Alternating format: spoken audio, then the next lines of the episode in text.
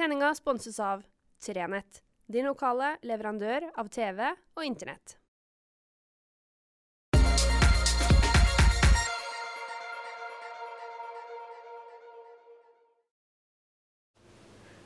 Riktig god fredag. Det er jo ting som kan tyde på at det kan bli ei sånn bob-bob-helg igjen.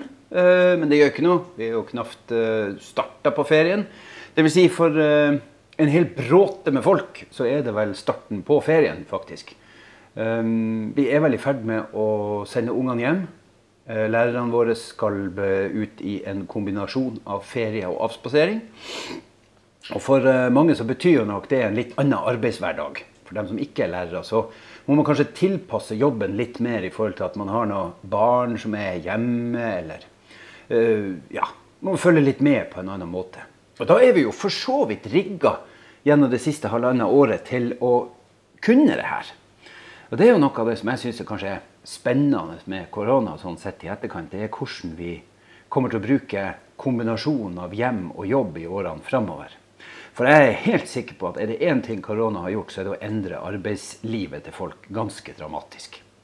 Eh, For oss her i nord så, ikke, så har vi ikke fått merke det så mye, det her med hjemmekontor. Noen har hatt mye hjemmekontor, for all del, men, men ikke i den samme graden som man kanskje ser sørpå. Sørpå hører man om folk som knapt har vært innenfor døra på sin egen arbeidsplass det siste halvannet året. Folk som knapt har vært utfor døra av sin egen leilighet eh, i en kombo av fritid og arbeidstid. Når vi går tilbake til normalen nå i større og større grad, i takt med at folk blir stadig, stadig flere blir vaksinert, så vil vi nok se det at, eh, at folk bruker hjemmet mer. Vi kommer nok til å oppleve vi som er arbeidsgivere, at folk i større grad spør om de kan få lov å jobbe hjemmefra. Og så må vi finne måter å løse det på. Og Derfor så tenker jeg at kanskje er vi bedre rusta i dag til å takle en lang sommerferie, fordi han pappa eller mamma faktisk kan sitte hjemme litt mer i sommerferien til ungene. Følge litt med på en litt annen måte enn hva man har gjort før. Det blir spennende å se. For det har jo vært sånn at, at idet skolene stenger, så blir eh, lille Per og lille Kari eh, nøkkelbarn. Eh, må passe hus og hjem, kanskje en lillebror, eh, etc. Eh, Forrige gang snakka jeg om det her med sommerjobb. Eh, for noen er det kanskje en sommerjobb å ta seg av småsøsknene sine i større grad enn hva eh, ellers. Og det er jo bra, for all del. Det er jo det. Man lærer ansvar og alle de tingene som er positivt med å være søsken. Det å ha noen sammen med seg, rundt seg. Eh, men det blir spennende i hvert fall å se hva koronaen gjør. Koronaen gjorde en ting i fjor. Den flytta et helt EM.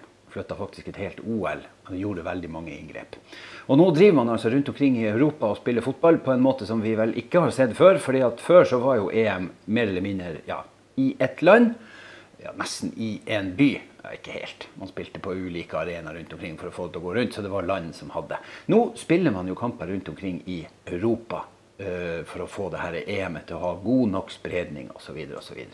Og så ser man at noen plasser er det fullt av folk, og andre plasser er det ikke så mye folk. Men jeg har ikke tenkt å snakke om EM i seg sjøl. Men jeg har tenkt å snakke om de påvirkningene det medfører. Hva fotballspillere og hva idrett kan bety og gjøre. For nå har jeg akkurat snakka om hva korona medfører. Men vi hadde altså episoden for, i for, forrige helg, forrige lørdag, da den danske fotballspilleren Christian Eriksen kaster seg fram, header ballen og ikke røyser seg igjen. Og en hel fotballinteressert verdensdel holder altså pusten, mens Christian Eriksen i lang tid ligger på bakken. Eh, man ser at det blir gitt livreddende førstehjelp, og media er til stede så til de grader. NRK har i ettertid fått kritikk for at de ikke stansa bildene. Og så viser det seg at, at det her låter til å kunne gå så bra som det kan gå. Uh, en, en godt trent, oppegående uh, herremann blir uh, raskt operert. Men resultatet av det er for det første en, en mediediskusjon om når skal kamera følge, og hvordan skal man dekke osv. Den er eh, underordna det store bildet. For det som skjer, er jo at rundt omkring i hele Europa begynner det å poppe opp hjertestartere i enda større grad. Og det er ikke noe nytt at, eh, at fotballspillere ramler om. Det har uh, ramla fotballspillere om og dødd. Uh, det har skjedd. Det er andre som har reist seg blindt, som spiller for Nederland. Han uh, skjedde det med. Han ramla om og, og, fikk operert. Det viste seg at det var en betennelse på hjertesekken.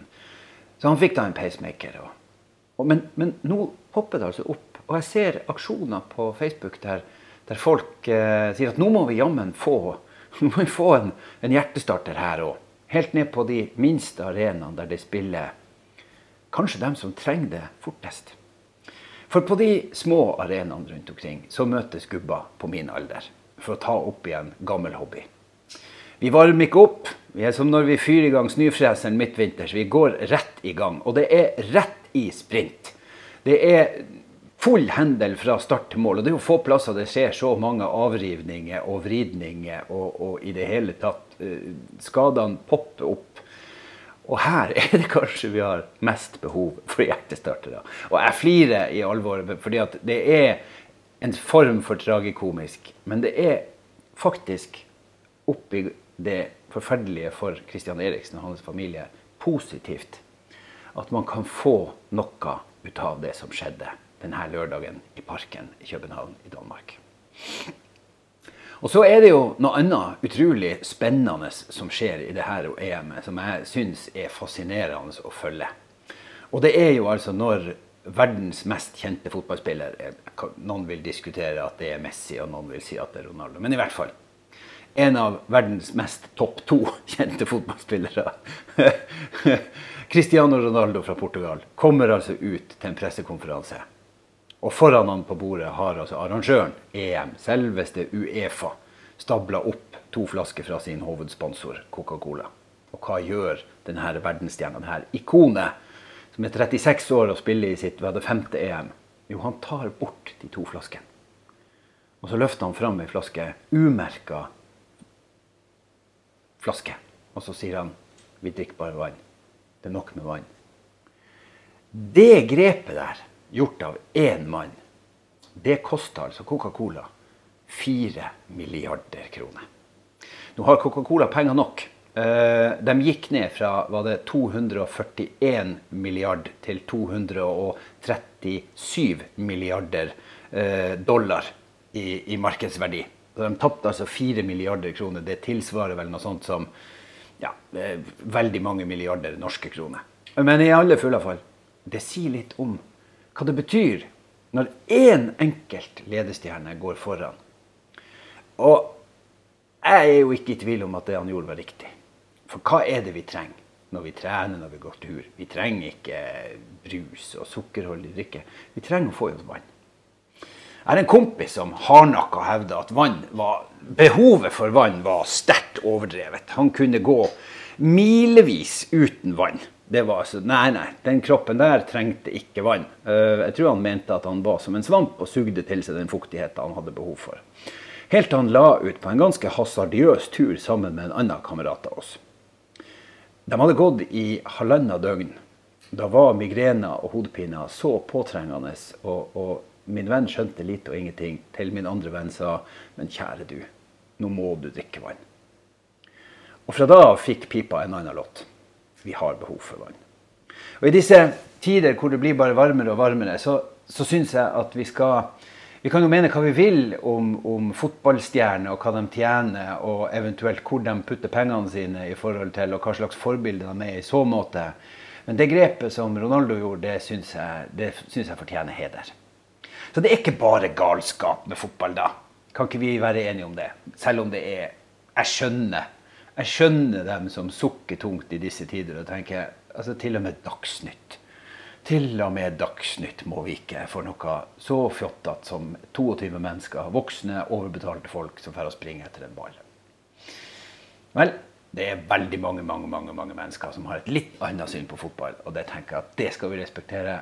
Folk som elsker fotball, skal få lov å nyte EM-tiden og VM-tiden for alt det det er verdt. Eh, det er ikke en så lang periode i vårt liv at vi ikke kan vente litt på Dagsnytt og kan leve med det, tenker jeg. Og så får vi altså noen hendelser som er med på å forandre verden, kanskje. Og det syns jeg er superspennende. Det var det jeg tenkte å si i dag. Eh, så hadde jeg tenkt å ønske dere ei fantastisk helg. Håper dere bruker den eh, til å være ute, og ikke minst til å gjøre det som er forstandig, nemlig å få i seg litt helt enkelt vann. Jeg gjør som Ronaldo, så får dere ha ei riktig god helg. Vi høres snart.